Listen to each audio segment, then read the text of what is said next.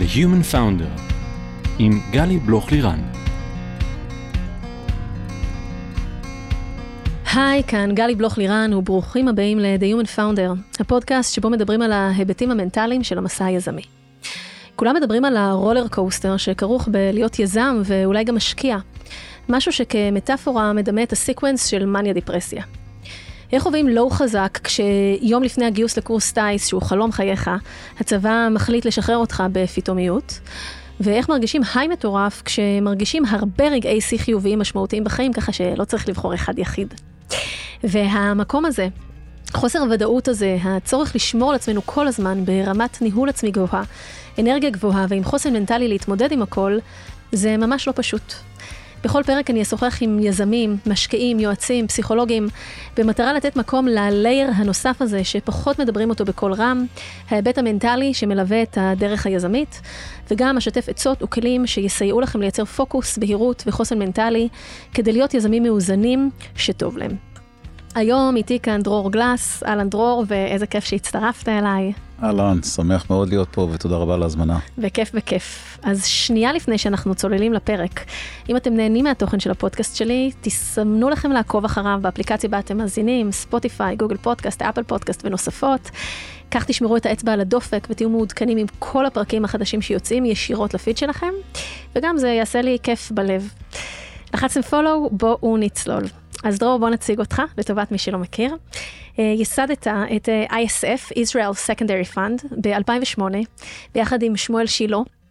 יש לך מעל שני עשורים של ניסיון בהשקעות ובמיזמים. אתה מרצה באוניברסיטה כבר קרוב ל-30 שנה, ובימים אלה ממש בקורס מרעיון למיזם בתוכנית ה-MBA של אוניברסיטת תל אביב. דיברנו על זה שאני מרצה באותו קורס באוניברסיטת רייכמן, אז איזה כיף זה לפגוש קולגה. ואתה אבא לארבעה ילדים, חובב טיסות, מטוסים וגם ספורט אתגרי, וגם ניסית לא מעט ממנו. נשמח קצת לשמוע על האקסטרימיות אה, בחייך, אה, down the road. אז באמת אה, היום יש לנו פרק אה, מיוחד, הם תמיד מיוחדים, אבל עכשיו הוא ככה אפילו עם עוד זווית. נדבר היום על כסף, ונדבר על כסף בעיקר אה, מהזווית של כל הנושא של סקנדרי. תכף נסביר את זה ככה למי שלא מכיר, ומי שכן מכיר נצלול לעומק. מה זה אומר? הרבה פעמים אנחנו מדברים על המון זוויות מנטליות שקשורות לסטרס, דיכאון, חרדות, פחד מהצלחה, פחד מכישלון, יחסים בין קו-פאונדרים וכולי, אבל אחד הדברים המשמעותיים מאוד שמלווים אותנו בעצם לכל אורך המסע היזמי, זה היחס שלנו לכסף, ואיך אנחנו כיזמים אה, מתמודדים עם כסף, בין אם זה בהתחלה כשאנחנו מגייסים כסף מה-FFF, נכון? ה-Friends Family, סליחה על הביטוי, לא רוצה להיות פה אה, זה, לא ייצוגית, ועובר בכל שלבי הגיוס, ואפילו בסוף באקזיט, בהנפקות, ב scale-up ובמה שקורה, וכמה הכסף הוא הזירה שבה מתרחשים המון המון דברים אמוציונליים שבאים לידי ביטוי למעשה בהחלטות uh, כספיות. אבל זה לא בהכרח דיון על כסף, זה הרבה קולות פנימיים שמנהלים אותנו בתוך הדבר הזה. והיום אני רוצה ככה שנעשה zoom in על הדבר הזה מתוך הזווית בעצם uh, uh, של secondary.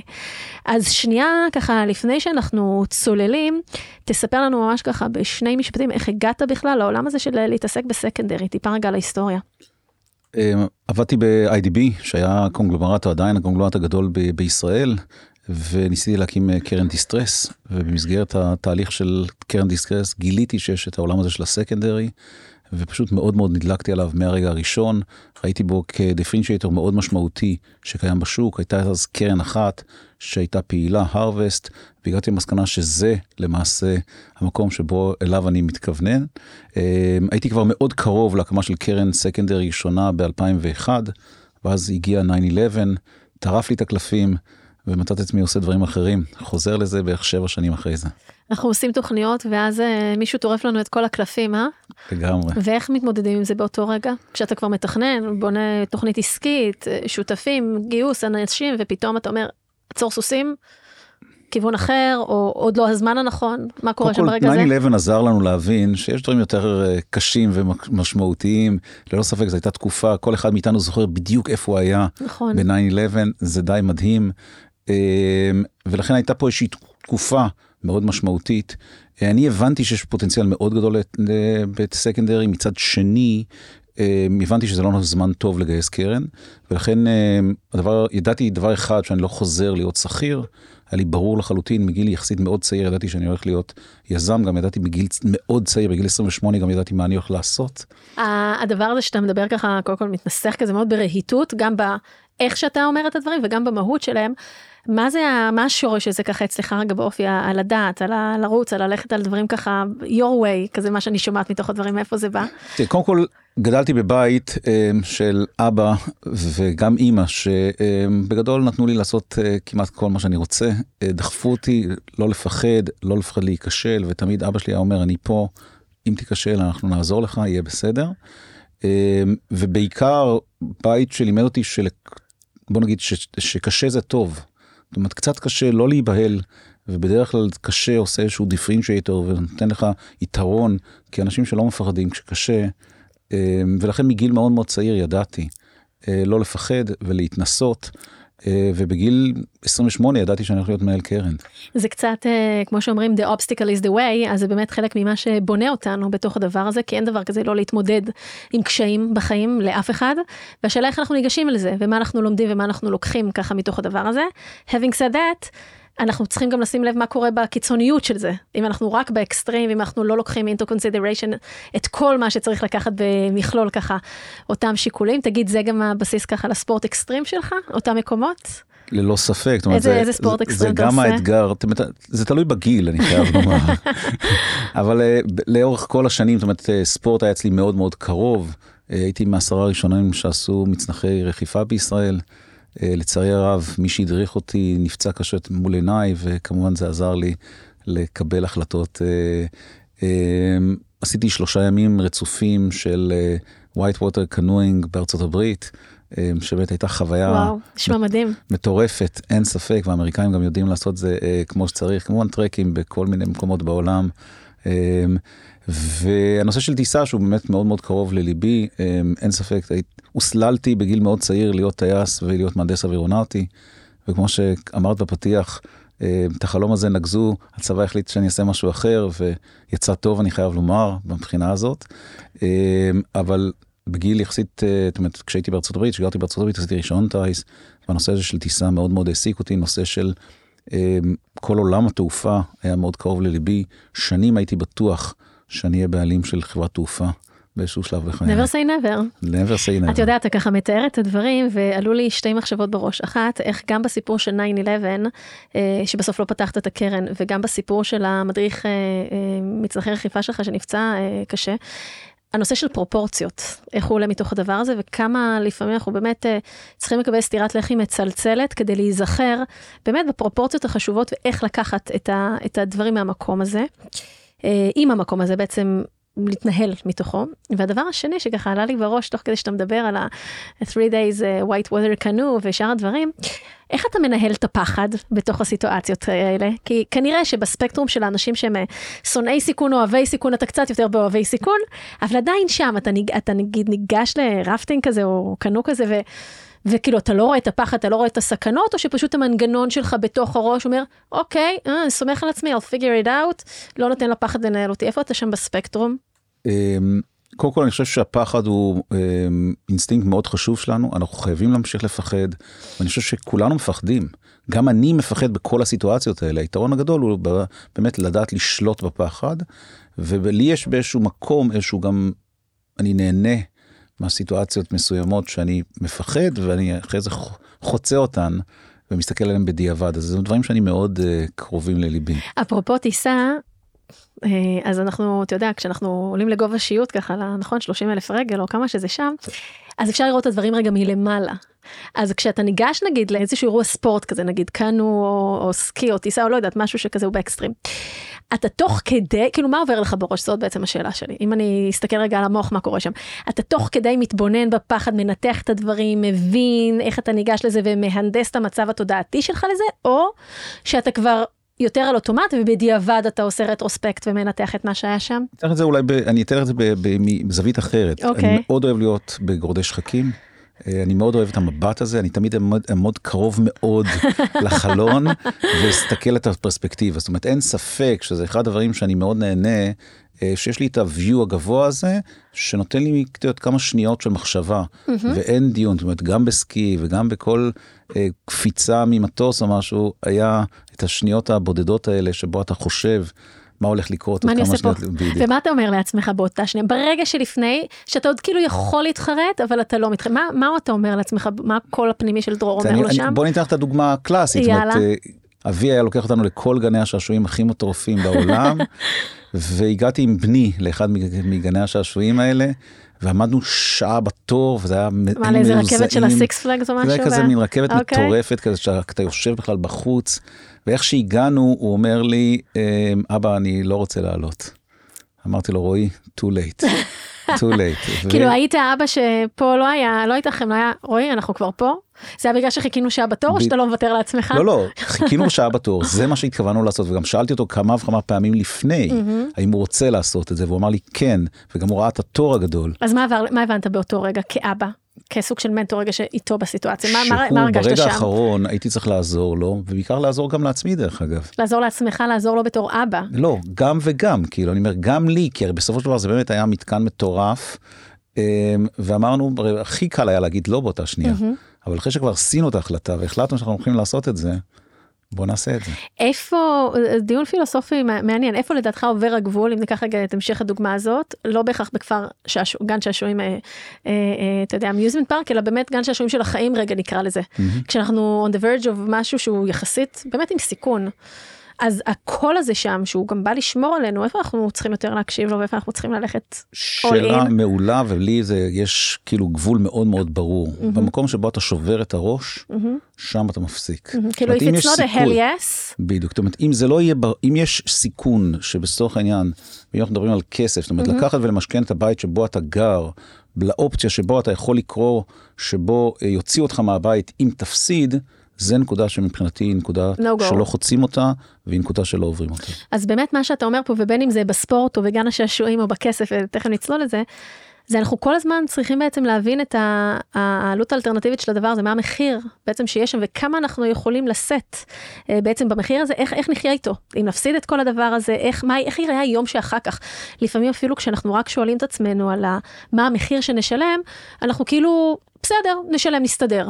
ואז השלב הבא, אוקיי, בוא נדמיין את היום שלמחרת בבוקר, איך זה באמת נראה ביום-יום שלנו, ושם פתאום התמונה היא יותר אה, קשה, כשאנחנו מבינים את הנגזרות, כשאנחנו מבינים איך זה משפיע על הסביבה המיידית שלנו, על המעגל השני, עובדים, בני זוג, משפחה, מה קורה שמה, זה מקום שהרבה פעמים פתאום אומרים, וואו, רגע, בוא, בוא נעצור עכשיו שנייה ואני יכול להגיד לך ונחשוב. שכשהחלטתי, אמ, כשהגיע 9-11 והחלטתי שאני לא מקים את הקרן, ומצד שני ידעתי בוודאות שאני לא הולך להקים, שאני לא חוזר להיות שכיר, הייתה לי עלות אלטרנטיבית מטורפת. מצד שני אמרתי, יש לי 18 חודש, וזה גם מה שאני ממליץ לכל יזם, לוודא שיש לו אורך נשימה של לפחות 18 חודש, שבו הוא מוריד את רמת החיים, אבל הוא לא הורס אותה לחלוטין, ושלא תהיה השפעה דרסטית חזקה על אורך חייו. כל אחד מאיתנו יש אורך חיים. אמ, ואמרתי, אני מנסה. ובגדול, אני יכול לומר, זאת אומרת, יצאתי למדבר לחלוטין, אמ, הלכתי לעשות משהו שהוא אמ, בגדול, לקחתי את ה-G מודל שלמדתי ב-MBA, ואמרתי, אני את ה-G מודל הסבתי לחברות ישראליות, והתחלתי לסייע יחד עם שותף פיטר פז, אמ, לסייע לחברות ישראליות במנועי צמיחה גלובליים. אמ, לקחנו למעשה, בנינו מודל שבא ותומך בהחלטות, או עוזר להנהלות לבנות את מנועי צמיחה. עכשיו, באנו ב-2001 שהיה באמת משבר מאוד mm-hmm. גדול, הרבה מאוד חברות לא ידעו בדיוק, וחברות משמעותיות מאוד במשק, מצאנו את עצמנו עוזרים להם אה, בפיתוח מנועי צמיחה גלובליים. ואחד הדברים שאתה אומר ככה תוך כדי, זה באמת כל אחד מאיתנו הוא שונה. אה, לפי הערכים שלו, לפי המצב הכלכלי שלו, לפי המערכות יחסים שלו, כל אחד מאיתנו שונה. ואנחנו צריכים אה, להבין מה גידור הסיכון, זה נכון בהשקעות, זה נכון בסטארט-אפים, זה נכון, לבחור ללכת להיות יזם זה, זה סיכון, זה סיכון פיננסי פר סה. יש, היינו כנראה שכירים בכירים, היינו יכולים לעשות הרבה יותר כסף כנראה בזמן הזה, אז דוגמה אחת. כל אחד צריך בעצם לגדר עם עצמו בהתאם אה, למה שנכון לו, לרמת החיים, לערכים, לזוגיות, לאיפה שהוא נמצא בו, לסטטוס הנוכחי שלו בחיים, מה הסיכון שהוא מוכן לגדר, ולשים לו ממש כמו שכשאנחנו כבר בונים חברה, אנחנו שמים לעצמנו KPIs ורואים איך אנחנו מתקדמים, שנייה לפני זה, אנחנו צריכים לראות באמת, אוקיי, כמה אנחנו מוכנים לגדר, כמה אנחנו מוכנים להפסיד, עד לאיזה level, באיזה, כמו בבורסה, כשאנחנו, רגע, איפה אנחנו שנייה פה עוצרים ואומרים למנהל השקעות, רגע, בוא נחשוב רגע אולי אחרת, כדי לגשת לזה ממקום שהוא יותר אה, בריא, וכדי שלא כל נפילה קטנה שתקרה, או כל obstacle חדש שיבוא, יערער לנו ממש את אמות הסיפים של איך לגשת אה, לדבר הזה. אני איתך לחלוטין, ולכן אני אומר, אני חושב שצריך לעשות תכנון.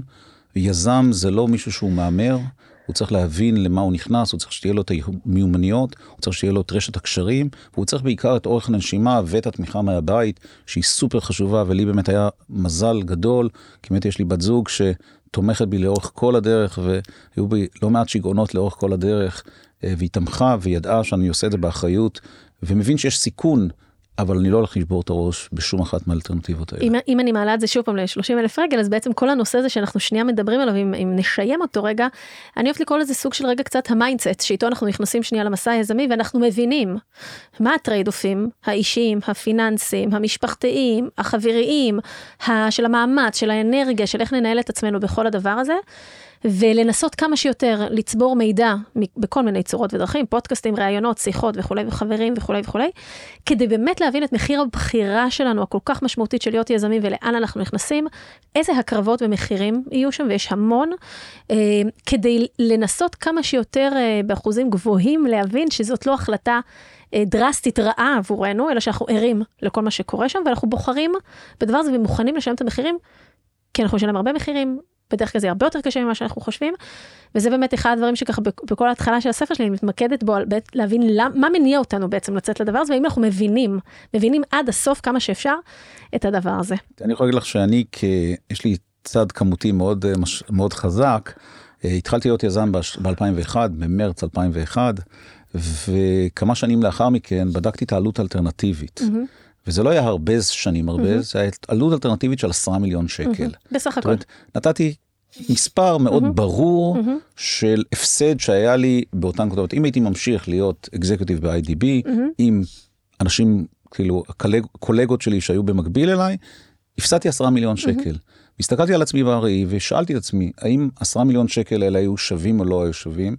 ובאותה נקודה אמרתי לעצמי בצורה מאוד ברורה, לא הייתי עושה שום שינוי בעניין הזה, זאת אומרת, אני מאוד שלם עם הדרך שאותה בחרתי, והיה שווה לי כל גרוש של הפסד אלטרנטיבי בסיטואציה הזאת. זו דוגמה מדהימה, ואני רוצה רגע עוד אה, ככה להעמיק בה, כי... הפסד אלטרנטיבי, אה, מדדת אותו עכשיו במטבע שנקרא כסף, או דולרים, או שקלים, לא משנה. בסדר, מטבע של מחיר, מחיר פיננסי. ויש לנו עוד הרבה מטבעות נוספים, של עושר באלף, של שביעות רצון, של הגשמה עצמית, של אה, יצירה, של עשייה, של משמעות, של מימוש עצמי, אה, של יצירה, של המון המון דברים שמה. וזה לא, כל אחד שוקל את המשקלות של הדברים האלה באופן שונה, בהתאם למקום הפנימי שהוא מגיע ממנו. ועשרה מיליון ש"ח, כל אחד את המשוואה הזאת, כמה זה שווה אל מול המימוש, יצירה, עשייה, אצטרה, אצטרה, אצלו זה שונה. עכשיו, אני מאוד מאוד מתחברת אליך, מה שאני רוצה רק להגיד בנקודה הזאת, שעשרה מיליון ש"ח קל לכמת אותם. לגמרי. את כל שאר הדברים קצת יותר קשה לכמת, ולכן אה, אה, קל להרגיש אותם אולי יותר. ולא, אני רוצה ככה לחזק את מי שמאזין, לא להקל בהם ראש בכלל, כי בסוף, לפחות בתפיסת העולם שלי, החיים שלנו והיום-יום שלנו, ברור שכסף עוזר. לגמרי, אבל מה שנותן לנו את ההגשמה ואת תחושת המימוש ואת העשייה ואת היום יום זה כל האזורים, המטבעות האחרים. ואנחנו צריכים לראות האם אנחנו נותנים להם מספיק מקום בקבלת ההחלטות שלנו, ועושים איזשהו תמהיל נכון, גם שזה וגם שזה בהתאם לשלבים השונים של החיים שלנו. אני יכול להגיד לך ששוב, מלימודי ה-MBA שלי למדנו שכסף הוא במקום הרביעי או החמישי במדד החשיבות מבחינתנו. זאת אומרת, האתגר בעבודה, היכולת שלי להתפתח בעבודה, הסביבה, סביבת העבודה שלי, הרבה הרבה יותר חשובים מכמה כסף בסופו של דבר. אני צריך שיהיה לי כסף כדי לקיים את, אה, כדי שיהיה לי אורח חיים כמו שאני הייתי רוצה ברמה סבירה, אה, אבל לרובנו המוחלט, כסף הוא לא המניע העיקרי. Having said that, בואו נעשה רגע זום אין עכשיו לנושא מאוד ספציפי בכסף, שנקרא עסקאות סקנדרי. עכשיו, שנייה לפני שאנחנו צללים, תסביר לנו ממש בשני משפטים, מה זה בכלל אומר ואיך נקראות עסקאות סקנדרי בעברית. כי הכל נשמע גרוע קצת, סליחה, לא הכל, אבל הרבה. אז אה, עסקאות, סקנדרי בעברית זה נקרא עסקאות שניוניות, וזו פעם אחרונה שאנחנו אומרים את זה בפודקאסט הזה, כי זה שובר לי את השיניים. שניוניות. שניוניות, זה נשמע לי, זה יד שנייה בגדול. כן, יד שנייה. אנחנו קונים יד שנייה מרופא, במצב טוב. במצב טוב. אמ, אז אנחנו קונים החזקות, אמ, אנחנו, מי שמייצר נזילות בעולם הזה של הטכנולוגי, בניית חברה בישראל לוקח בין 8 ל-13 שנים, ולכן יש הרבה מאוד בעלי עניין שמדי פעם צריכים נזילות, זה יכול להיות המשקיעים שהשקיעו בשלבים מאוד מוקדמים, אבל לא ציפו להיות שם 13 שנים, זה הפאונדרים. שזה למעשה השקעה מאוד משמעותית, לקחו סיכון מאוד משמעותי והיו רוצים לראות פירות בעמלם לאורך הדרך. יש את המנהלים אמ, שגם להם הם אנשים שכירים שהצטרפו לאורך הדרך, אבל גם הם היו רוצים לראות פרי בעמלם, וללא ספק העובדים שהם חלק מאוד משמעותי בהצלחתה של כל חברה, ובכל החברות שהצליחו, בסופו של דבר היה צוות עובדים מאוד משמעותי שגרם לדבר הזה להצליח. לאורך שנים רבות, אמ, זה היה נחשב אה, לא לגיטימי למכור בדרך, כי אנחנו המשקיעים השקענו, ולכן אתם, כל הבעלי עניין האחרים, איתנו עד שאנחנו מוצאים את כספנו. אז מה, למה, למה זה היה לא לגיטימי? בואו נדבר על זה שנייה. כי מה? כי הייתה תחושה אמ, שאם אתה מוכר, אתה למעשה אמ, מביע איזשהו חוסר אמון במאמץ המשותף שלנו, ב- ביוזמה. כאילו איזושהי אמונה כזאת שהשתרשה, שאם אתה משחרר את הדבר הזה, במקום להסתכל על זה, רגע, אולי יש פה ROI יפה על הדבר הזה וזו עסקה לגיטימית, זה כאילו אתה לא מאמין כבר בהמשך הצמיחה של הדבר. בדיוק. מה גרם לשיפט הבעיקר תודעתי הזה, הפסיכולוגי קצת, מה שהוא- גרם לו? קודם כל, תראה, כמו כל דבר בחיים, זמן. אנחנו, הזמן עושה את שלו, ואם פעם קרנות היו קמות לשבע שנים, היום אנחנו יודעים שלוקח לקרן להתקלות אה, משהו כמו 17 שנים. זאת אומרת, התהליך הזה הוא מאוד מאוד ארוך, הוא מאוד מאוד קשה, הוא רולר קוסטר מטורף, ולכן אנחנו רוצים לתת לאנשים ש... עוסקים במאמץ הלא פשוט הזאת ביומיום, לתת להם גם ליהנות מהפירות של, של מה שהם יצרו. זה בעצם, אם, אם, אם נתאר את זה רגע בעוד אופן, אה, עסקת סקנדרי, ותכף נפרוט אותה בהיבטים השונים, היא אינסנטיב מאוד מאוד משמעותי עבור מי שמממש אותה, בין אם רגע זה פאונדרים או עובדים או משקיעים, אה, להמשיך דווקא לתרום, כי באיזשהו אופן, נכון דיברנו קודם על הסטרס הכלכלי שכרוך בלהיות יזם, או אפילו משקיעים, אנג'לים או משקיעים אה, שהשקיעו בשלבים מוקדמים, כמו שאמרת, זה מייצר נזילות, ואז הנזילות הזאת, היתרון שלה זה שהיא נותנת לנו רגע שקט, שקט רגע בבית, במשכנתה, שקט רגע בגני ילדים, שקט רגע לאנג'לים לעבור ולגלגל את הכסף לעסקאות נוספות. היא נותנת איזשהו שקט בריא, שגם מייצר נזילות ותזרים עבור האנשים שעכשיו יכולים להמשיך להשקיע בעצם בסטארט-אפ, והיא גם באיזשהו מקום מאפשרת לדם חדש נקרא לזה, למשקיעים חדשים, שאולי לא התאימו לשלבים המוקדמים, אבל הם מתאימים יותר לשלבים של הצמיחה, והם יכולים להביא רעיונות חדשים ו- ו networking חדש וכולי. וגם חדש, הרבה אנרגיות חדשות. ללא ספק מה שאמרת הוא, הוא, הוא בבסיס של הבסיס של ה secondary, ויש פה הרבה פסיכולוגיה, ותכף נדבר עליה. Um, הנושא של secondary לאורך השנים, אנשים, כש, לג- לגשת ל secondary, הרבה מאוד, להרבה מאוד יזמים, secondary זה הכסף המשמעותי הראשון שהם עושים. אה, ולכן יש פה איזשהו סוג של חרדת קודש גם מבחינתנו, כשאנחנו באים, לב, באים לטפל בנושא הזה. עכשיו אני רוצה אבל רק טיפה עוד שנייה mm-hmm. לתת עוד, בהמשך של ה-overview, mm-hmm. אם VC זה למעשה הדלק של התעשייה, זאת אומרת זה הכסף שנכנס פנימה לחברות ומניע את התעשייה הזאת, זה כסף מאוד משמעותי שיש לו הרבה הרבה הרבה אה, חשיבות.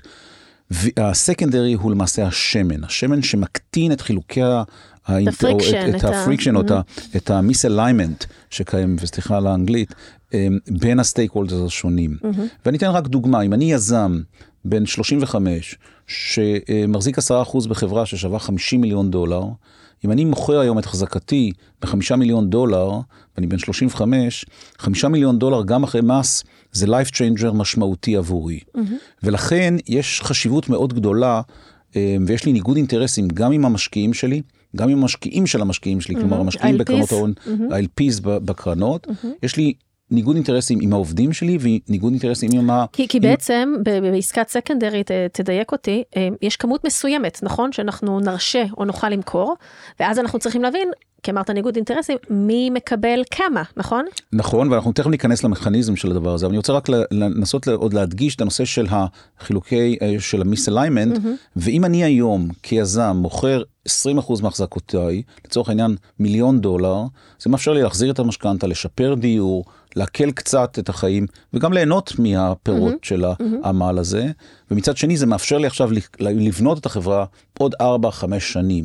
דבר נוסף, יש פה נושא מאוד משמעותי וזה העובדים.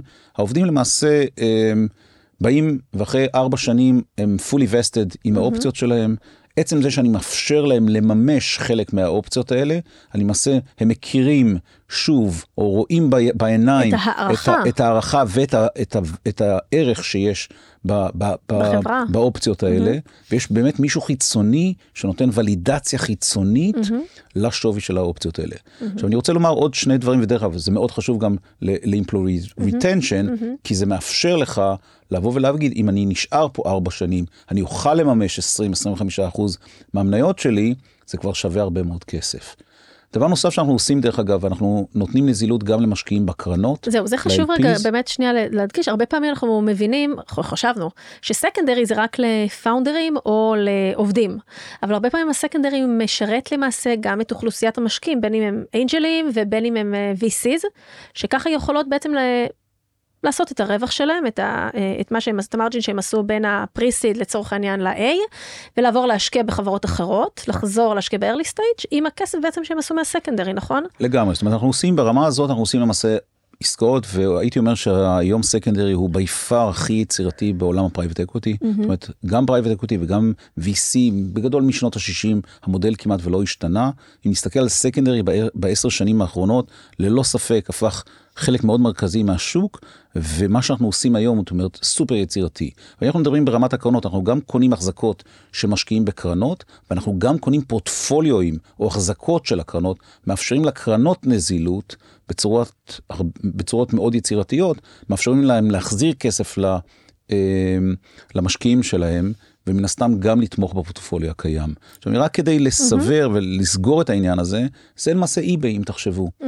אי-ביי, הגאונות של אי-ביי, לקחת את השולחן שעכשיו אנחנו יושבים פה, שעלה כאן בטוח הרבה מאוד כסף, אבל שנייה אחרי שקנינו אותו, אין לנו מושג למי למכור אותו, mm-hmm. ו eBay למעשה אפשרה לנו להקים, הקימה כיכר שמאפשרת לאנשים שיש להם נכסים לא סחירים כמו השולחן הזה, mm-hmm. למצוא קונים שרוצים בדיוק שולחנות מהסוג הזה. marketplace בעצם להמשך השקעות בתוך הסטארט-אפים. ההבדל המאוד גדול בינינו ובין eBay זה שב eBay זה many to many, ואצלנו זה many to one, זאת אומרת אנחנו בסוף הקונים. בסוף אתם מוכרים את זה לבן אדם, לישות אחת. לישות אחת, לישות שאנחנו אחת. הקונים של אותם נכסים. זאת אומרת, אנחנו, בעצם זה שאנחנו מייצרים נזילות לנכסים, אנחנו מייעלים את השוק, מאפשרים לבנות פה חברות הרבה יותר גדולות, ומקטינים בצורה משמעותית את הסיכון בשוק. תגיד, ממש מי... עוד שנייה, כן. ממש אחרי ה...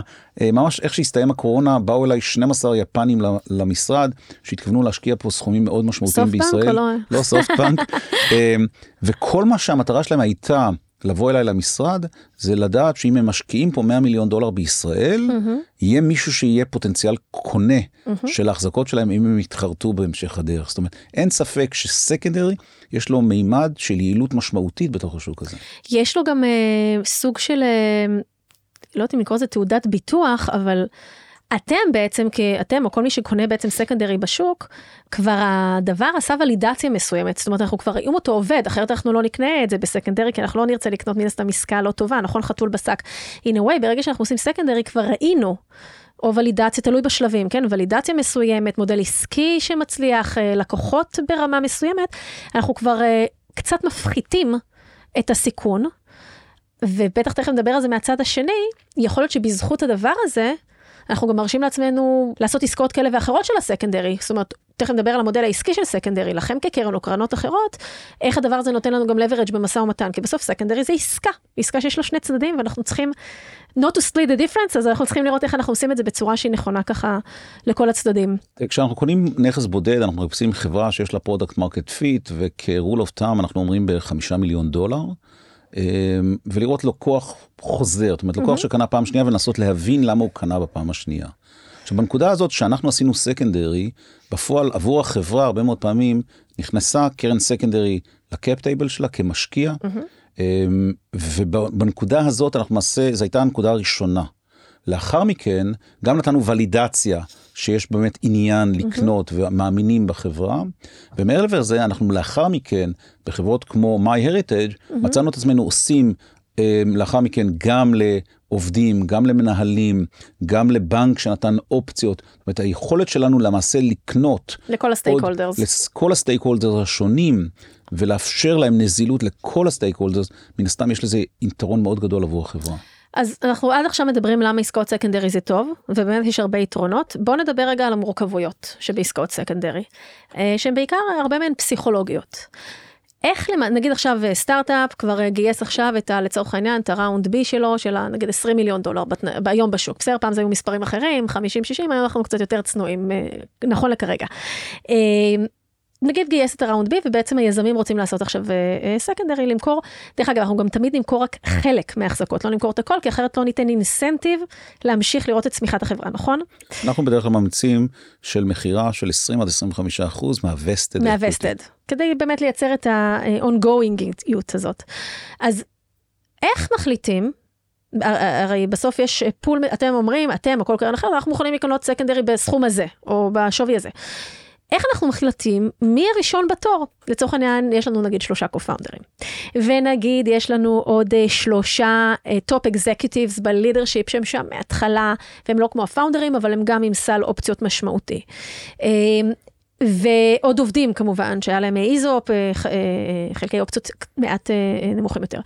ויש advisors. אה, ויש משקיעים אחרים שזה. איך אנחנו בעצם מחליטים, קצת כמו כשאנחנו אה, חברה בפירוק, שיש נושים ויש שם את הסדר של הנשייה, אז רגע, בהיבט החיובי, איך אנחנו מחליטים ומי מחליט מי התעדוף? כי זה קצת מנגנון ש...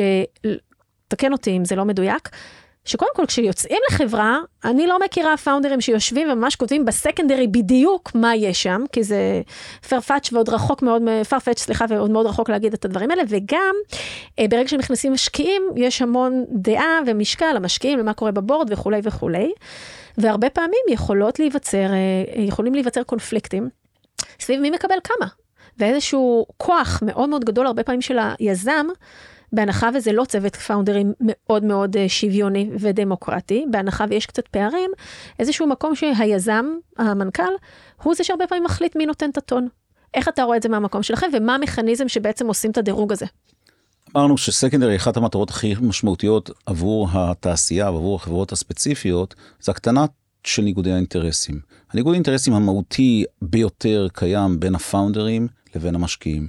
לכן אנחנו רוצים לצמצם קודם כל את ניגודי האינטרסים האלה. זאת אומרת, בניגודי האינטרסים האלה אנחנו אומרים, אנחנו רוצים בשלב מסוים לאפשר לפאונדרים, ואני יכול להגיד לך שהיום יש בהסכמי פאונדרים כבר בשלב ראשון, אה, כבר מדברים על סקנדרי, כבר מאפשרים להם באיזשהו שלבים מסוימים אה, למכור חלק מה secondary. זאת אומרת, היום חלק מה founderים היותר מתוחכמים, כבר ב founder agreements, מציינים את הנושא של ה secondary ומאפשרים לעצמם איזושהי גמישות או איזה שהם כללים לגבי... אה, אז לכן הדבר הראשון שצריך לפתור את הניגוד האינטרסים האינהרנטי ביותר זה בין ה founderים. ולבין המשקיעים. אז שנייה פסיק, כי בוא נדבר על זה, אז נגיד ב founders agreement, שדיברנו עליו פה בפודקאסט בהמון היבטים, רגע מההיבט של secondary, mm-hmm. מה, איזה המלצה או עצה היית רגע נותן אה, לחשוב מבעוד מועד, התחברנו ביחד ונגיד אנחנו לא הפאונדרים הכי אה, מנוסים, זה לא, אנחנו לא third timers וכולי וכולי וכולי. איך היית, איזה מנגנון היית מציע להכניס לתוך founders agreement בהקשר הזה? בגדול מה שאני הייתי אומר זה שצריך לאפשר לפאונדרים למכור בשלבים יותר מאוחרים, כלומר לא מיד, אמ, ואני חושב שזה מאוד מאוד חשוב כדי שיהיה alignment, זאת אומרת כאשר נבנה value מאוד משמעותי, כלומר החברה כבר הגיעה להכנסות, כבר גייסה לפי עשרות מיליון, שווי של עשרות מיליוני דולרים, יש היגיון לפאונדרים לעשות איזשהו אקזיט לא גדול.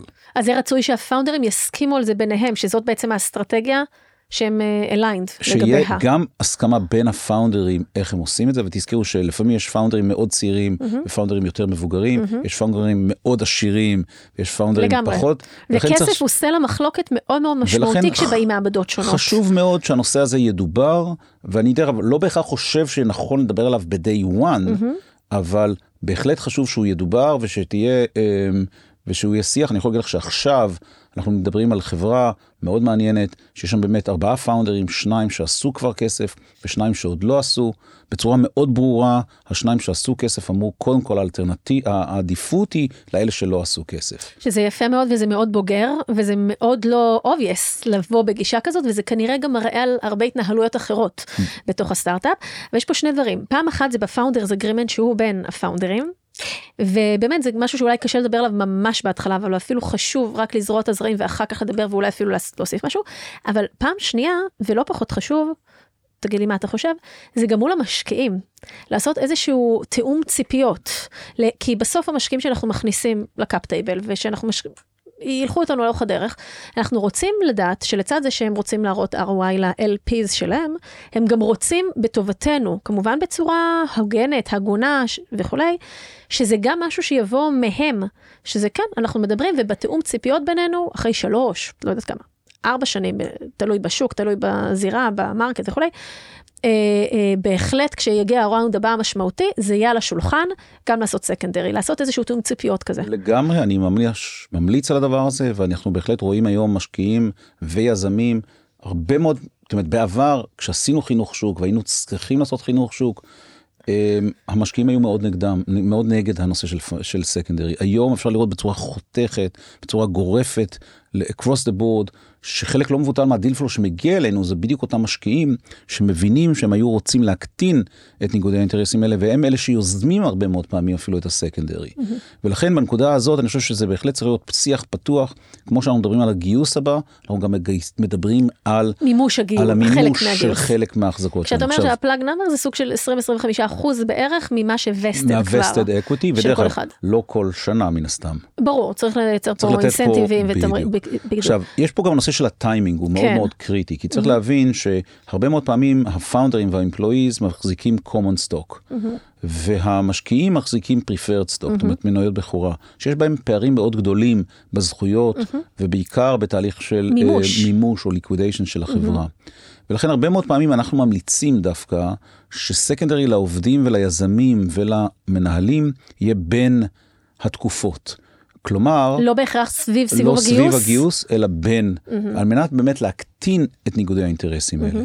כי בין הסיבובים נבנה פה value, ולכן אפשר... אבל יש בזה גם ריסק, לא? בוודאי שיש פה... כי כשעשינו סיבוב גיוס, ואנחנו יודעים שהכנסנו עכשיו 10 או 20 או 30 מיליון דולר, הנה יש אירוע וחברה זה. יומיים אחר כך, או לצורך העניין חודשיים או חצי שנה אחר כך, אולי אנחנו לא מצליחים להגיע ל-ARR שרצינו, ואולי אנחנו לא מצליחים עכשיו לשמר את הלקוחות ולקוחות עוזים, ואז יש ריסק בדבר הזה. יש ללא ספק ריסק, אבל צריך לזכור שהמטרה העיקרית היא טובתה של החברה. לגמרי. ולכן כאשר אנחנו מגייסים כסף, אנחנו צריכים שמקסימום הכסף שאנחנו צריכים ייכנס לחברה. Mm-hmm. ולא להתחיל לבלבל את היוצרות בין הצורך של הכסף בחברה, לבין הצורך הפרטי. הפרטי שלנו. ואני חושב שבדרך כלל חברות ששמו את טובתה של החברה לגמרי. ב- ב- בעדיפות ראשונה, ובאמת קודם כל בונים את החברה, ולאחר מכן חושבים גם על liquidation לעובדים וליזמים, לכן אני חושב ששם החברות באמת רואים חברות הרבה יותר בריאות. שזה באמת מחזיר אותנו כל הזמן, אנחנו מדברים פה, אני מדברת פה וגם הרבה בספר על מבחן טובת החברה, איך הוא מבחן שבאמת עוזר לנו לקבל את ההחלטות הנכונות, בשילוב עם DNA וערכים של הוגנות ושל שקיפות ושל באמת אה, אה, רצון לצמיחה הדדית, באמת נצליח להגיע בשאיפה ליעדים האלה. אבל אני רוצה רגע לחזור לפריקשנים דווקא. מה קורה כשאנחנו מגיעים עכשיו לשיחה, לא משנה אם זה היה סביב הגיוס או בבין לבין, ואנחנו, יותר מדי אנשים רוצים לעשות עכשיו סקנדרי. ויש מגבלה, מה עושים שם? איך מנהלים את הדבר הזה? אז קודם כל, אנחנו, האם, השאלה אם אנחנו מדברים על הנהלה, האם אנחנו מדברים על פאונדרים, או פאונדרים והנהלה או... נגיד. אוקיי, אז בגדול, בוא נניח שהפאונדרים כבר עשו, כי בדרך כלל הפאונדרים יעשו ראשונים, סקנדרי, mm-hmm. ונניח שהם עשו איזשהו סוג של סקנדרי. הסקנדרי חייב להיות שוויוני בין כל הפאונדרים? תראה, הרבה מאוד פעמים הפאונדרים עצמם לא מחזיקים בהחזקות אה, אה, זהות נכון, בתוך אבל, חברה. אבל האחוז, הוא יהיה, שו... באבסולוט נאמבר זה לא יהיה אותו דבר, אבל באחוז לצורך העניין. אז הרבה פעמים זה הדבר הכי פשוט. אה, ואני חייב לומר שדווקא פה אנחנו נתקלים בפחות בעיות, okay. אוקיי. כי אנחנו רואים הרבה מאוד פעמים שדווקא בנושא הזה יחסית אה, הפאונדרים יודעים להסתדר, זה מגיע לנקודות שבהם לצורך העניין ההנהלה יש יותר אנשים שרוצים למכור, או שהסכום באופן אבסולוטי הוא סכום מאוד משמעותי, ושם אולי יכולים להיות איזה שהם נושאים. ואז איך מתעדפים שם? מה המנגנון שבדרך כלל... ברעיון בגדול, אנחנו, מה שאנחנו מנסים לעשות זה לייצר מצב שעשית סקנדרי, אתה נהנית, אבל נשאר לך רוב המוחלט של האינסנטיב עדיין אצלך. ולכן אנחנו מנסים להתאים את העסקה, ואנחנו רואים פה חשיבות גדולה שלנו ואחריות גדולה שלנו, להתאים את גודל העסקה למצבה של החברה. זאת אומרת, אם זאת חברה מאוד בשלה, של אנשים שעשו כבר הרבה מאוד כסף והראו שהם עדיין, יש להם הרבה מאוד מוטיבציה, אפשר לעשות עסקה יותר גדולה. לאפשר להם בעצם לממש יותר. לאפשר להם לממש. ובעסקה, וכאשר אנחנו מדברים על חברה יותר צעירה, של אנשים שעוד לא עשו, אנחנו משתדלים שהעסקה תהיה יותר קטנה. על מנת לאפשר להם באמת, להשאיר להם את כל האינסנטיב להמשיך ולבנות את החברה. ויש פה עוד פרמטר שחשוב לי לציין, אה, באמת פסיכולוגי יותר, שכשהיזמים הם צעירים יותר, ואולי גם הלידרשיפ קצת אה, יותר צעיר ועוד לא עשה אה, המון כסף, ופתאום נפגשים בכמות כסף משמעותית, שיכולה להיות מיליוני דולרים, לפני מיסים, אחרי מיסים, לא משנה, עדיין הרבה כסף. הכסף יכול להיות מאוד מתעתע ומבלבל. איך אנחנו בכלל מתנהלים עכשיו עם כמות כסף כזאת? מה אנחנו עושים אותה, איתה? מה זה, מש, מה זה גורם, מה זה, איך זה משפיע על החיים האישיים שלנו? האם אנחנו בכלל יודעים לנהל כסף כזה כדי שהוא לא בעוד שנתיים ייגמר כי בזבזנו על מלא דברים מגניבים וחדשים? ופה יש שיחה שלמה שהיא גם בעיניי מאוד מאוד חשובה, ו-in a way היא גם מתקשרת למה שהשוק חווה בשנים האחרונות של אה, חבר'ה צעירים יחסית שיצאו מהאקדמיה ישר לשוק העבודה והרוויחו משכורות מאוד מאוד מאוד גבוהות, כי השוק היה במצב הזה, ופתאום היום המשכורות קצת מתכווצות. ובאיזשהו מקום אה, יש פה חינוך שלדעתי האישיות הוא חשוב, כי הוא מייצר איזשהו קצת אה, תיקון. קצת להבנה שאנשים בני 20 וקצת שיוצאים לשוק העבודה, ההבנה שהעולם קצת יותר מורכב ומשכורות של 70 אה, או 90 אלף שקל הרבה פעמים למתכנתים, זה לא חזות הכל וזה לא לעולם חוסן. ובאיזשהו מקום אנחנו קצת אה, נהיים צנועים יותר ומתכנסים עם הדבר הזה. אבל גם במפגש אה, מול אקז, אה, סק, עסקת סקנדרי, שמיני אקזיטון נקרא לזה, פתאום אנשים נפגשים בהמון המון כסף, ויכול מאוד מאוד לבלבל אותם הדבר הזה. לא בהכרח, אבל גם שם. וגם עם זה, צריך לדעת איך לגשת לזה. אז זאת, זאת למעשה גם הניסיון שלנו וגם האחריות המאוד גדולה שיש לנו, לדעת ולהתאים את גודל העסקה לסיטואציה הספציפית. ולפעמים לאנשים, למישהו אחד מיליון דולר זה המון המון כסף, ולמישהו אחר עשרה מיליון דולר זה לא המון כסף. Mm-hmm. ולכן אנחנו צריכים לדעת להתאים את העסקה לסיטואציה הספציפית. כשאתה אומר אנחנו צריכים לדעת להתאים, מי בסוף מחליט איך תראה עסקת הסקנדרי, הפאונדרים, הבורד, הקרן לצורך העניין, אתם, מי... תראה, בגדול, לנו יש הרבה מאוד ניסיון, וגם הבורד, או הייתי אומר המשקיעים, וגם ההנהלה התייעצו איתנו גם במבנה העסקה, גם בהיקפה של העסקה, ובסופו של דבר אנחנו מנסים uh, to tailor לסיטואציה הספציפית. ואני יכול להגיד לך שלצורך העניין, הסתכלנו על עסקה עכשיו של עשרה מיליון דולר, לארבעה פאונדרים, והם חזרו אלינו והם אמרו שהם צריכים בין 15 ל-20 מסיבות כאלה ואחרות. ופה אנחנו למעשה עושים את הניתוח, האם mm-hmm. 20 מיליון דולר לארבעה פאונדרים זה הרבה כסף וזה מתאים, ובמקרה הספציפי הזה אני יכול להגיד שאנחנו בוחנים את העניין הזה. ולכן אנחנו מנסים להתאים את גודל העסקה לכל סיטואציה ספציפית. מצד שני אני חייב לומר שיש לנו את היכולת לבוא לחברה עם 200 עובדים mm-hmm. ולהציע לכל ה-200 עובדים לעשות עסקת סקנדרי, אה, כמובן בשיתוף פעולה מלא עם החברה, ובעניין הזה אני אומר כהערה, אנחנו, כל עסקה שאנחנו עושים זה רק בשיתוף מלא עם החברה, רק בשיתוף מידע מלא עם החברה, בתיאום מלא עם, ה, עם המשקיעים, ולכן פה, כדי, בשביל employee retention, אנחנו מציעים לכל העובדים בחברה, או לעובדים שהנהלת חברה חשבה שנכון להציע להם, אה, אפשרות לעשות סקנדרי של חלק מהחזקותיהם. תסבר לנו רגע את האוזן, אה, מה, יש הרי את הסקנדרי, שזה אנחנו עושים לצורך העניין אחרי, כאילו מממשים את הדברים, אל מול נגיד עובדים שפשוט עוזבים עכשיו או מועזבים מחברה לצורך העניין ויוצאים אה, עם אה, חבילת אופציות כזאת או אחרת שהם צריכים לממש בדרך כלל תוך שלושה חודשים, 90 יום, ו- ומה קורה שם? האם זה גם משהו שיכול להתכנס לאיזושהי עסקת סקנדרי כזאת? לגמרי, זה מוטיבציה מאוד גדולה של חלק מהדברים, ופה אני אומר בהערת, בהערת אגב, שלושה חודשים על פי 102, אה, על פי סעיף mm-hmm. 102, כאשר אנחנו מממשים על פי עקרונות של 102 בשלושה חודשים ברוב המקרים. לעובדים. לעובדים. אה, הרווח שעליו יש לנו במימוש האופציות אה, הוא רווח הוני. Mm-hmm. במידה ובסמוך לעזיבה שלנו, החברה, או אנחנו מבקשים להאריך את מימוש האופציות מחצי שנה לשנה, או משלושה חודשים לחצי שנה, זה מייצר מצב שבו אותו רווח שהיה לנו הופך מרווח חוני, שיש עליו 25% מס, לרווח פירותי, שזה שיעור המס השולי. לכן כל מי שמבקש... שרגע לסבר אותו, זה מס הרבה יותר גבוה למעשה. הרבה יותר גבוה, זאת אומרת, זה בגדול יכול גם להגיע 50%. ל-50% מס בדיוק. הכנסה, אה, שמישהו במדרגות מס משלם. זאת אומרת, המשמעות של זה שמצד אחד אתה מעריך את תקופת המימוש, ומקטין את הסיכון, ומצד שני אתה תשלם על זה הרבה הרבה יותר הרבה כסף. יותר מס, בדיוק. ולכן אנחנו בדרך כלל ממליצים לעובדים לא לבקש הערכה של האופציות שלהם, כי זה פשוט יש לזה השפעת מס מאוד קריטית. וגם זה disclaimer טטטה, חשוב להגיד, כל מקרה לגופו, וזה לא ייעוץ פה, בוודאי. ובאמת מאוד מאוד חשוב לבחון את הדברים, כי באמת ה details כל כך משתנים ומשפיעים על הסיטואציה, אבל זה באיזשהו עיקרון כזה. בדיוק, זו הייתה הערה, וכמובן כל מקרה לגופו, ו... זה גם שונה בין עובדים לבין עובדים בתלוש, כאילו פרילנסרים שזה, או כן. יועצים וכולי וכולי. לגמרי, ולכן צריך כל עובד וכל יזם וכל אחד שעושה עסקה צריך לקבל ייעוץ אה, אה, ספציפי, ייעוץ מש- אה, מיסים ספציפי. זהו, עכשיו, רגע, רגע, עוד- עוד- רוצה- סליחה אוקיי. רגע, מילה קטנה, שבאמת בכל הנושא הזה של אה, אה, עסקאות סקנדרי או מימוש אופציות, חשוב גם להבין, למי שרגע פחות מצוי, זה יכול מאוד להיות שמשקיעים, או אפילו קרן שעושה סקנדרי, ייתנו ייעוץ על באמת מה הרגע עם הכסף, והייעוץ יהיה חכם ונכון, וגם עורכי דין. ספציפית שמתעסקים רגע במובנה של העסקה. אבל לא פחות חשוב מזה, זה להבין את הייעוץ בהיבט של המס. כי למס יש משמעות מאוד מאוד גדולה בטיב העסקה, ואי אפשר, ושוב אני לא פה באה לייעץ על ענייני מיסים, קטונתי, אבל אי אפשר לגשת לדברים האלה בלי להבין לעומק את המשמעויות המיסוייות של הדבר הזה כדי לבנות את, אה, את העסקה הנכונה. ולכן אנחנו צריכים לדעת שאנחנו מתייעצים גם עם מי שבונה לנו את העסקה, נקרא לזה המשפטית, הפינה עסקית, אבל גם מי שמייעץ לנו בהיבט של המיסוי של הדבר הזה. אין ספק. עכשיו, עסקאות סקנדרי אנחנו עושים הרבה, אנחנו עשינו למעלה מ-90 עסקאות סקנדרי, לכן זה מבחינתנו העסקאות הן אה, יחסית סטנדרטיות, אה, והן די straight forward. אה, יחד עם זאת, עסקאות סקנדרי בחלק מהמקרים יכולות להיות מאוד מאוד מורכבות.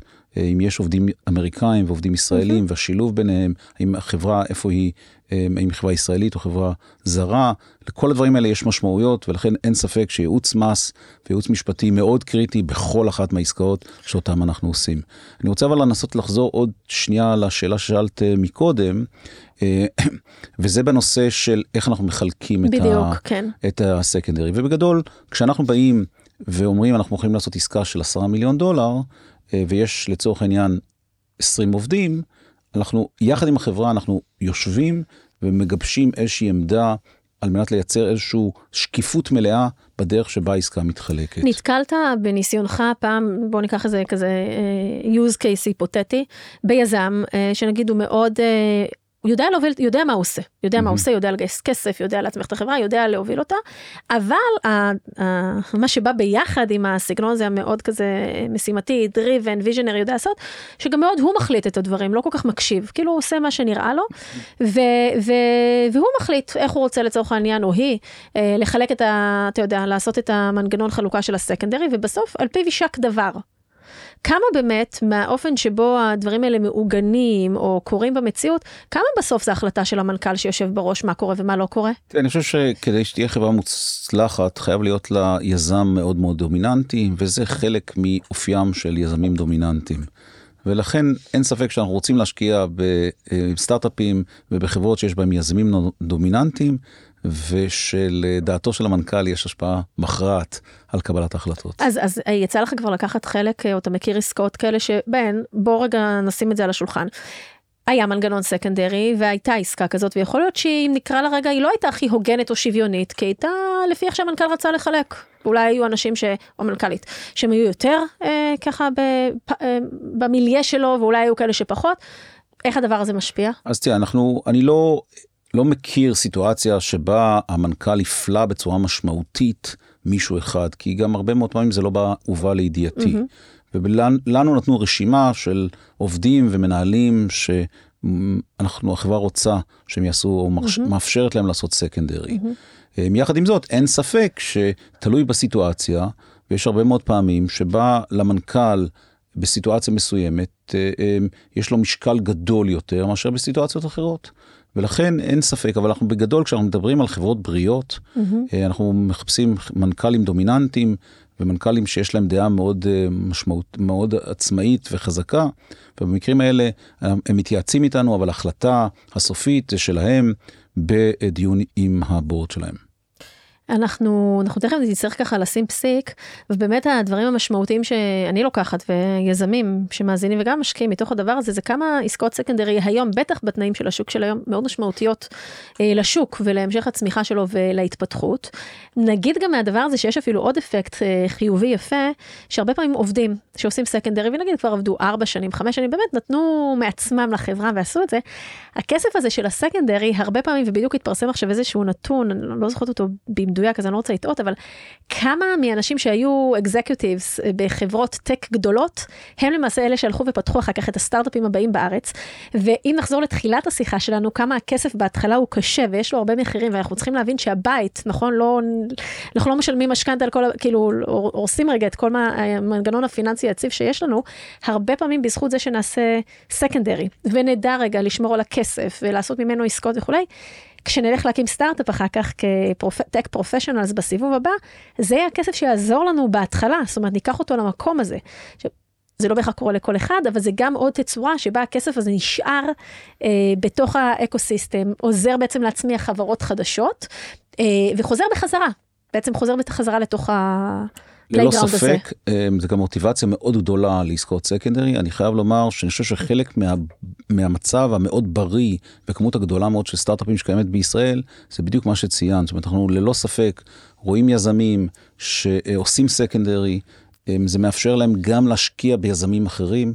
חלק מהמוטיבציות שיש היום ליזמים למכור, זה כדי לאפשר להם להיות גם אנג'לים, ולמעשה הם בונים מסביבם אקו סיסטם, mm-hmm. כי הם באים עם איזשהו דומיין, הם באים עם הרבה מאוד ניסיון, וזה מאפשר להם מסביבם אה, לבנות ecosystem בדומיין שלהם, ולאפשר ליזמים נוספים לבנות סטארט-אפים, וכמובן, אנחנו יכולים, ויש הרבה מאוד סיפורים לאותם יזמים שעבדו מאוד קשה בסטארט-אפ הראשון, עשו לא מעט טעויות בסטארט-אפ הראשון, אה, נשארו עם יחסית החזקות נמוכות, ותיקנו את זה בצורה מאוד משמעותית בסטארט-אפ השני, שבו הם למעשה מימנו אה, את השלבים הראשונים המאוד יקרים, אה, ולאחר מכן באמת בסטארט-אפ השני עשו אקזיטים מאוד משמעותיים. אז אנחנו ככה באמת צריכים לזכור קודם כל שסקנדרי זו לא מילה גסה.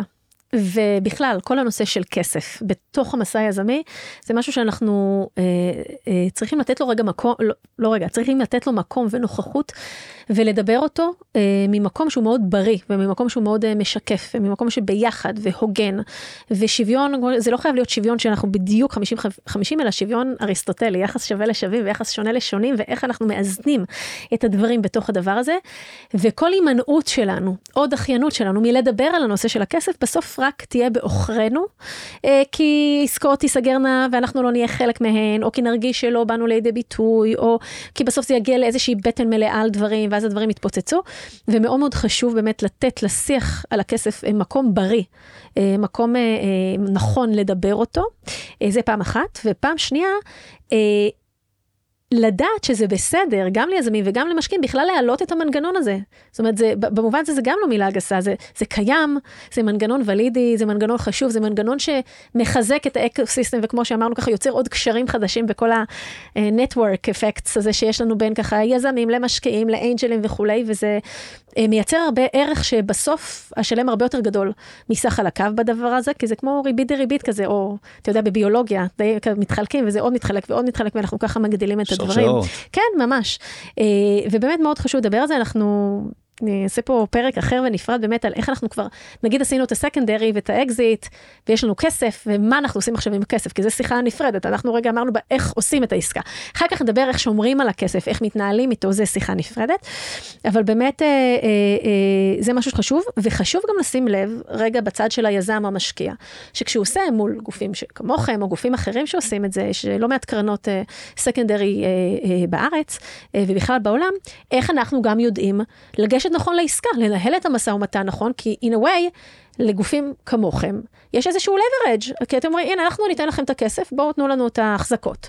יש פה משא ומתן שאנחנו צריכים לראות איך אנחנו מנהלים אותו, שהרבה פעמים, בגלל ש... אה, לא יודעת אם הרבה פעמים, אבל בחלק מהפעמים היזם, בגלל שהוא מאוד ירצה כבר לגעת בכסף, ל, ל, אה, כבר להיות עם הכסף, יכול להיות שהוא יבוא למשא ומתן מול גופים כמוכם או אחרים, ממקום שהוא קצת פחות אה, עם leverage, שהוא קצת כבר, אני רוצה כבר למכור כדי לעשות משהו, שזה לא בהכרח העסקה הכי טובה שיש, אבל היא טובה. אוקיי? וזו נקודה שאני אשמח רגע לשמוע איך אתה מתייחס אליה. אז קודם כל אני חושב שזו נקודה מאוד חשובה ומאוד משמעותית. אבל קודם כל אני אומר שאני שמח מאוד שהיום סקנדר הוא לגמרי חלק מאוד משמעותי ואינטגרלי מתוך השוק. עדיין יש צורך בחינוך שוק ועדיין יש פה כאילו אנשים חדשים שנכנסים לתוך התעשייה ואנחנו כל הזמן צריכים ללמד ולהסביר מה זה סקנדרי, אבל למנהלי קרנות, ליזמים ותיקים, אנחנו היום אני חושב שסקנדרי הוא לגמרי ברור, לגמרי לגיטימי, והוא לגמרי שיח פתוח. הדבר נוסף שסקנדרי יש תמיד בכל מצב שוק, כמו שבכל מצב שוק אנחנו קונים ומוכרים דירות. גם אה, בסקנדרי יש בכל מצב שוק, אבל אין ספק שבמצב משברי, כמו שאנחנו נמצאים היום, סקנדרי הוא כלי סופר קריטי, מכיוון שאנחנו רואים פחות M&A ואנחנו רואים פחות אה, פוטנציאל, אה, פוטנציאל ל-IPO, mm-hmm. אנחנו רואים ירידה משמעותית בהשקעות בישראל, אז אין ספק שסקנדרי הפך כלי מאוד מהותי. ומשמע, ומשמעותי בשוק לליקווידיטי, לעובדים. וזה קצת ביקוש והיצע, כי כשהביקוש גדל, אז אתם יכולים גם להיות קצת יותר... ומצד שני יש לנו אחריות מאוד מאוד גדולה. זאת אומרת, לא יקרה מצב שלמרות שבא אליי עובד, שרוצה למכור, ולמרות שיש לי פערים גדולים בידע, גם בהבנה של סוג האופציות ובעסקת הסקנדרי, שננצל את הסיטואציה הזאת. ולכן אנחנו רואים בעצמנו, בגלל המעמד המאוד מיוחד שלנו, אנחנו חושבים ומרגישים שיש לנו אחריות גדולה עבור המוכרים, ולכן אם אתה גוף פיננסי שמבין, ננהל איתך משא ומתן אה, כמו מול גוף פיננסי, אבל אם אתה עובד, אנחנו ניתן לך את ההצעה הכי טובה שאנחנו יכולים, ואני יכול להגיד לך שלא מעט פעמים אני המלצתי לעובדים לא למכור, כי היה לי מידע שעשוי היה לעזור להם בעתיד, או עשוי להשביח. את המניות, מזל שזו עוד לא חברה ציבורית. את המניות שלהם אה, אה, בקרוב, אה, זה עדיין, ולכן מותר היה לי לעשות את זה, אבל אני יכול לומר שאנחנו, מספר לא מבודל של פעמים, אמרנו, לאנשים לא למכור, כי אני חושב שהזמן לא נכון כרגע. וגם פה חשוב להגיד שכמו שאנחנו ניגשים רגע למכור דירה, או למכור מניות, או כל עסקה, או אפילו בוחרים בית ספר לילד, בסדר? כל דבר שאנחנו עושים, מאוד חשוב להתייעץ, מאוד חשוב להכיר, מאוד חשוב לבדוק כמה אופציות mm-hmm. כדי באמת לדעת בסוף מה, מה נכון לך.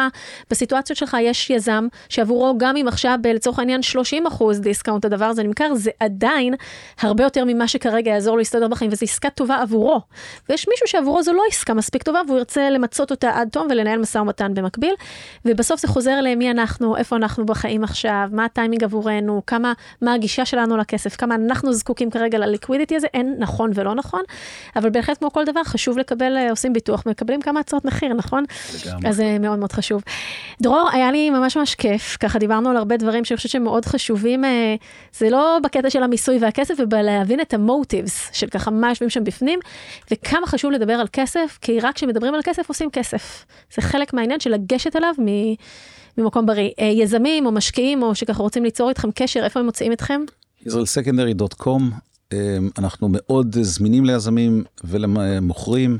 אפשר לראות אה, את כל הפרטים שלנו, כולל הניידים שלנו, הכל נמצא באתר, כי אנחנו רוצים להיות זמינים ואנחנו שמחים להיות בקשר עם כל מי שיש לו עניין, גם להתייעץ וגם ללמוד, ואני בהחלט ממליץ מאוד להתייעץ לפני שעושים את הצעד הראשון. אנחנו נשמח לתת אה, ולחלוק מהידע שלנו. נהדר, תודה רבה שבאת. תודה רבה רבה על ההזמנה, היה לי לעונג רב. איזה כיף. למאזינים אנחנו נשים פסיק עד לפרק הבא, ככה אני גם אומרת ליזמים שלי, מסשן לסשן. ניתן למצוא אותנו בפלטפורמות הפודקאסטים המובילות, Spotify, Apple Podcast, Google Podcast, Podbean, מוזמנים לעשות subscribe ולהתעדכן ראשונים על פרקים חדשים. מוזמנים גם לבקר באתר שלי בגלי-בלוכלירן.קום ולהשאיר שם את הפרטים שלכם, כדי ללמוד עוד על ההיבטים המנטליים של יזמים וגם לעקוב אחרי The Human Founder רוצים. אלעד עושה עבודה מעולה. תודה לגוגל פור סטארט-אפס שמאפשרים לי להקליט כאן את כל התוכן החשוב הזה. אם נהניתם, אני ממש אשמח שתפיצו את הפודקאסט ליזמים ומשקיעים שאתם מאמינים שיקבלו ממנו ערך וגם כסף בסקנדרי. שמים פסיק, ניפגש בפרק הבא.